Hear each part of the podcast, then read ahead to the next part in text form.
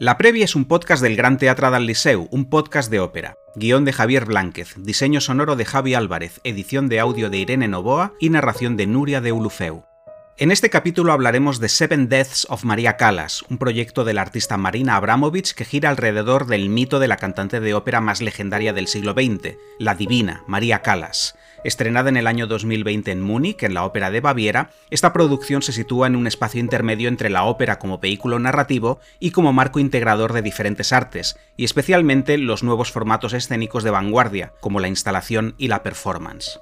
En esta obra se muestra la muerte de María Calas en 1977 a partir de una sucesión de piezas de vídeo conectadas por interludios ambientales y con la interpretación de siete arias famosas de ópera del siglo XIX y principios del XX, que formaron parte del repertorio más celebrado de la Calas. Arias, por supuesto, que también tratan sobre la omnipresencia de la muerte. Esta es una experiencia que busca atraer nuevos públicos a los teatros de ópera y a la vez examinar muchos de los mitos del género bajo una óptica contemporánea, y que contará con tres únicas funciones, del 9 al 11 de marzo.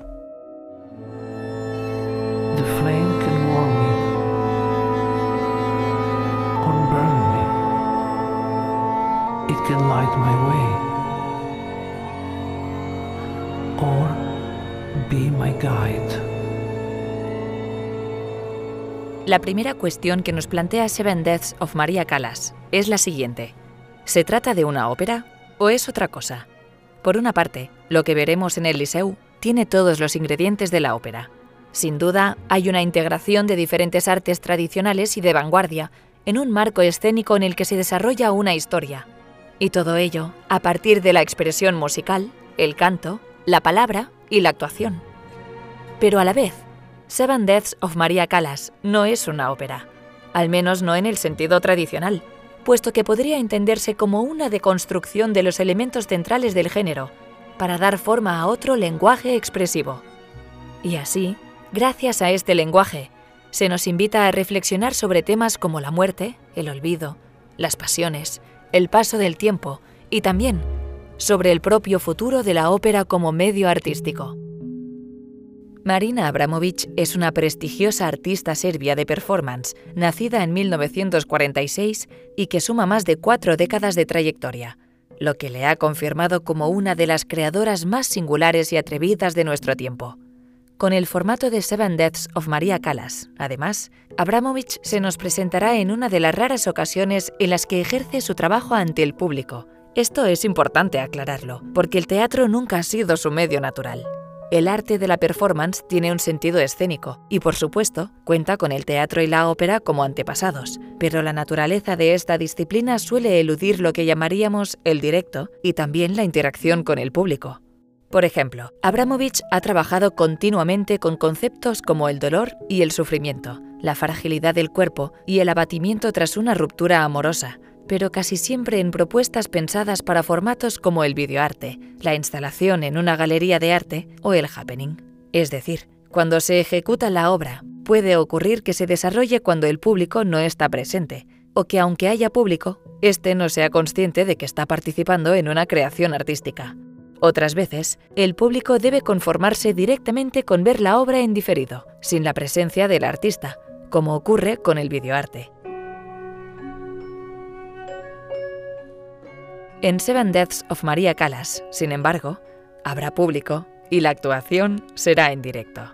Quizá no podamos decir que es una ópera, pero sin duda sí sería algo así como una instalación en vivo en un teatro y que nos propone una representación de la muerte de María Callas en diferentes escenas oníricas con la presencia de Abramovich en el escenario. La obra, que dura unos 90 minutos sin interrupción, está dividida en dos partes con una introducción y un intermedio. En la primera parte, María Callas sueña en su lecho de muerte, con sus mejores momentos en la ópera, y se representarán siete arias famosas a cargo de siete cantantes distintas, que también son actrices en la segunda parte de la producción. Las cantantes serán Gilda Fiume, Vanessa Goicochea, Vendetta Torre, Antonia Ayumkin, Reinat Saham, Leonor Bonilla y Marta Mateu. Mientras ellas cantan las arias, también veremos Los sueños de la Calas, siete cortometrajes dirigidos por Nabil Elderkin, en los que aparecen Marina Abramovich y el actor William Dafoe, que se dedica a asesinar al artista de maneras muy distintas. Una vez concluye la primera parte, pasamos a la segunda, donde se representará la muerte real de María Calas en París, el 17 de septiembre de 1977, uno de los momentos más trágicos de la historia de la ópera del siglo XX. Sobre la mitología de este acontecimiento, Javier nos aporta ahora más información. La coloratura. La coloratura. En la historia de María Calas confluyen la excelencia artística y la tragedia, la fama en el arte y el fracaso en el amor, y esta mezcla de ingredientes hiperbólicos es la que ha cimentado el mito de la cantante de origen griego como la mayor leyenda de la ópera del siglo XX, y quizá de toda la historia. Para cualquier aficionado a la ópera, la Calas es una presencia viva e incuestionable, pero vamos a suponer que nadie que nos esté escuchando ahora sabe nada de ella. Hagámonos, por tanto, una pregunta. ¿Por qué fue tan importante María Calas y por qué su mito la sobrevivió eternamente? Hay por una parte un elemento puramente musical, absolutamente artístico. Calas cantaba como Los Ángeles. Comenzó su carrera como cantante profesional a principios de los años 40 del siglo pasado en Atenas, de donde provenía su familia, aunque ella había nacido en Nueva York y tenía la nacionalidad estadounidense. En sus comienzos destacó gracias a la reunión de varias virtudes. Tenía una voz bella, una técnica de canto excelente con una capacidad de respiración que le permitía ligar las frases hasta alcanzar líneas melódicas y colores sublimes, y además no solo cantaba, sino que añadía matices interpretativos muy creíbles a sus arias.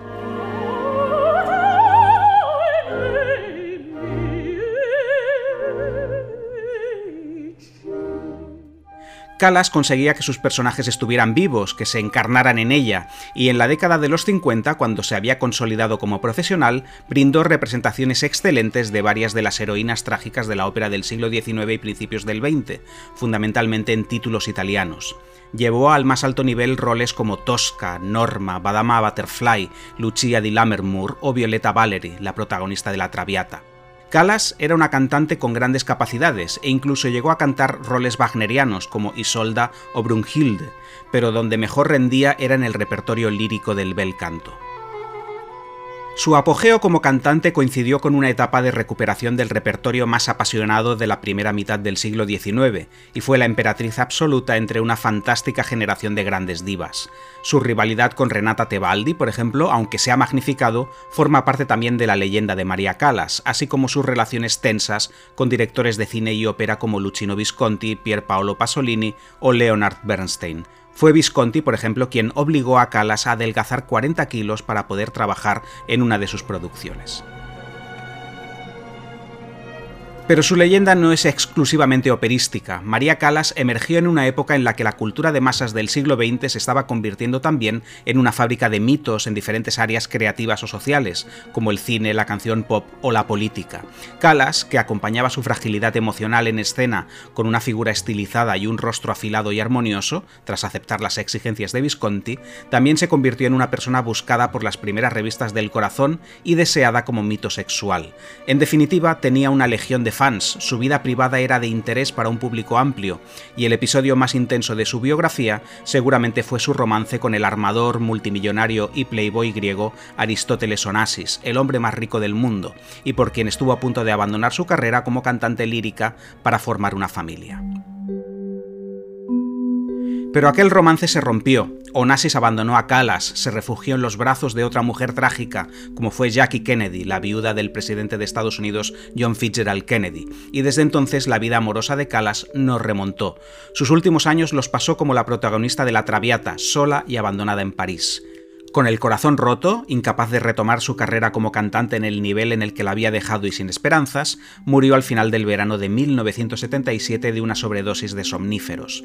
Tenía 53 años. Su muerte, equiparable a la de Elvis Presley, James Dean, Grace Kelly o Janis Joplin, selló su destino dentro de la cultura popular del siglo XX. Había muerto una cantante increíble y había nacido un mito incombustible. Y de esta muerte y de este mito es de lo que trata esta obra de Marina Abramovich.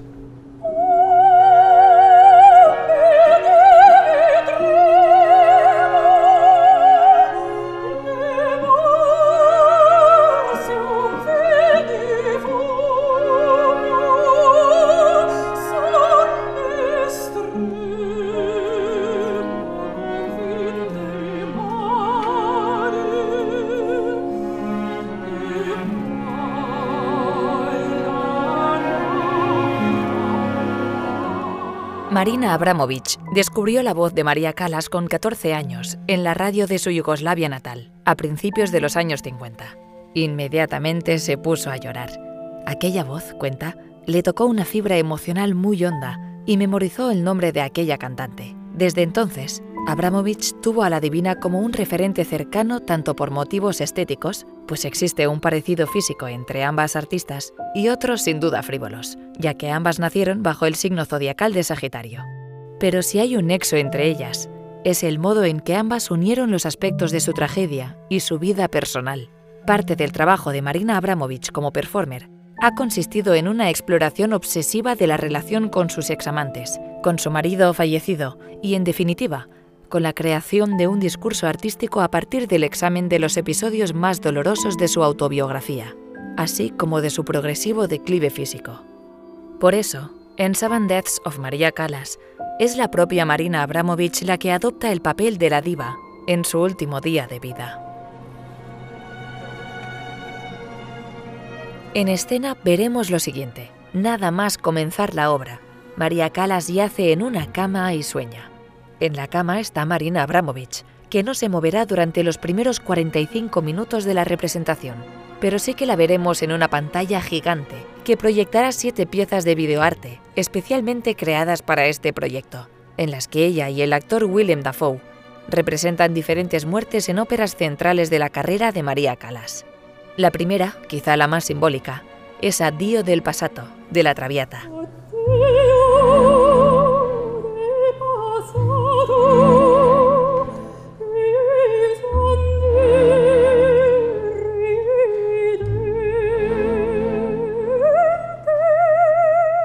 Continuación, vendrán arias y escenas de Desdémona en el Otelo de Verdi, la súplica a Dios de Tosca en la ópera de Puccini, el lamento de añoranza de Chio Chio San en Madama Butterfly, la habanera de Carmen, el aria de la locura de Lucía Ashton en Lucia di Lammermoor y finalmente Casta Diva, el momento central del papel de Norman en la ópera de Bellini.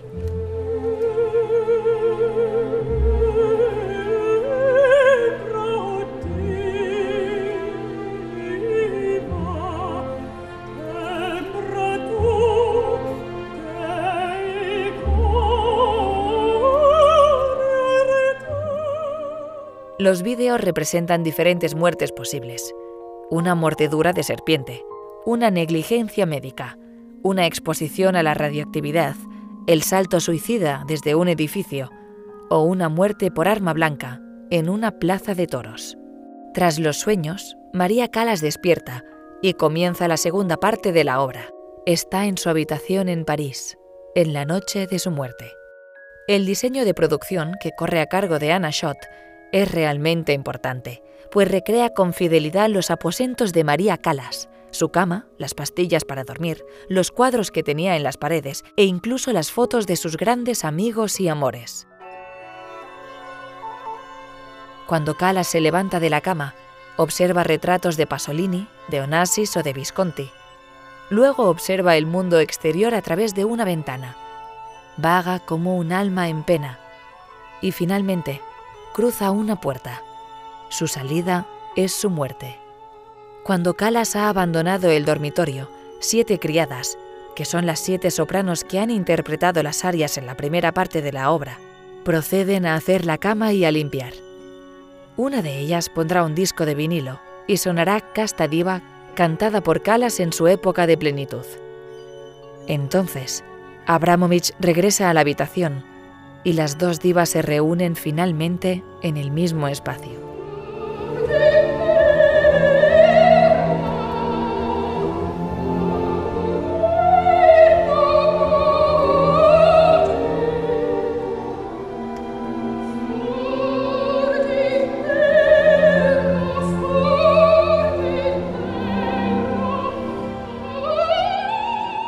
Marina Abramovich no es ajena al mundo de la ópera. A lo largo de su carrera ha firmado producciones y conceptos escénicos para diferentes obras del repertorio, como Peleas en Mélisande de Debussy. De hecho, este proyecto de Seven Deaths of Maria Callas nació después de que la Ópera de Múnich le propusiera crear una nueva producción para El Castillo de Barba Azul, de Bela Bartok. Marina terminó rechazando la oferta, pero propuso a cambio esta idea, que desde hace dos temporadas se ha visto en varios teatros de Europa, entre ellos las óperas de París y Atenas, y que ahora llega a Barcelona. El sueño de dar forma a una obra que integrara ópera y muerte, de hecho, hacía mucho tiempo que le rondaba a Abramovich. Lo intentó en 1989, cuando quiso trabajar en un proyecto sobre la explotación minera de oro en Brasil, donde había una gran mortandad de trabajadores, todo ello acompañado con piezas de ópera. Más tarde, a finales de los años 90, se propuso crear una pieza de videoarte que tratara sobre siete escenas de muerte y sacrificio. Aquellas dos ideas no cuajaron, pero fueron las que prepararon el terreno para el concepto de Seven Deaths of Maria Callas. Antes de eso, Abramovich había trabajado con el director de escena Robert Wilson en The Life of Death of Marina Abramovich, una versión operística de su propia vida, en la que también participó William Dafoe y que se pudo ver en el Teatro Real de Madrid. Esta es, por tanto, la gran instalación de la performer alrededor de las ideas de la muerte y la ópera. Un trabajo que tiene un elemento añadido, que es la música nueva que articulará el comienzo, las transiciones entre áreas y toda la secuencia onírica, y que ha escrito el compositor serbio Marko Nikodjevic. Al principio, la música que suena es una capa microtonal con timbres ásperos que el compositor ha definido como secuencias nebulosas, sobre las que suena una voz en off que nos sitúa en cada una de las escenas de muerte y que remite a diferentes escuelas musicales relacionadas con las texturas ambientales, ya sea la música electroacústica a la manera de Luciano Berio o Karl-Heinz Stockhausen, el ambiente desorientado de Aphex Twin o los tonos sostenidos y repetitivos. El resultado, una mezcla de ópera clásica, música nueva, creación visual, performance, arte del cuerpo y la mezcla de mito, biografía y sueño es lo que hace de estas siete muertes de María Calas una obra singular. Puede que no sea una ópera ortodoxa, o ni siquiera una ópera como tal, pero en un recinto de la majestad y la dimensión del Gran Teatro del Liceu. Se convierte en una obra imponente que busca, como hemos dicho, reflexionar sobre la leyenda de María Calas, la presencia constante de la muerte, y por tanto, la recomendación de aprovechar nuestro tiempo en este mundo. Porque no todos podemos ser leyendas, pero sí al menos disfrutar de la creación para enriquecer nuestra sensibilidad y nuestros puntos de vista sobre el arte y la vida.